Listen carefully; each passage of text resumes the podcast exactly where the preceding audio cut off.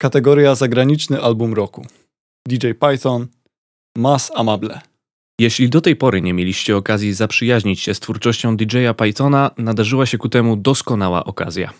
Nowojorski producent zdążył już przyzwyczaić do swojej niepowtarzalnej stylówki, balansującej gdzieś na pograniczu IDM-u, deep reggaetonu z solidną porcją onirycznych syntów. Mas Amable to prawdziwa podróż, stanowiąca jednocześnie kwintesencję brzmienia Briana Pinheiro.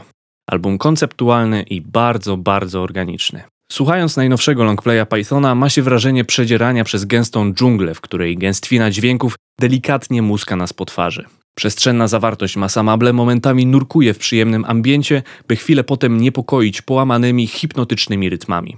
Album tym mocniej wywołuje tęsknotę za występami live. Odczucie na własnej skórze dźwięków z niego w festiwalowym anturażu musi bowiem stanowić prawdziwie dogłębne przeżycie.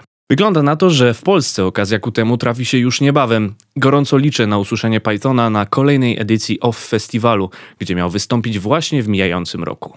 Według redakcji muzycznej Akademickiego Radia Luz album zajął drugie miejsce wśród najlepszych zagranicznych albumów 2020 roku.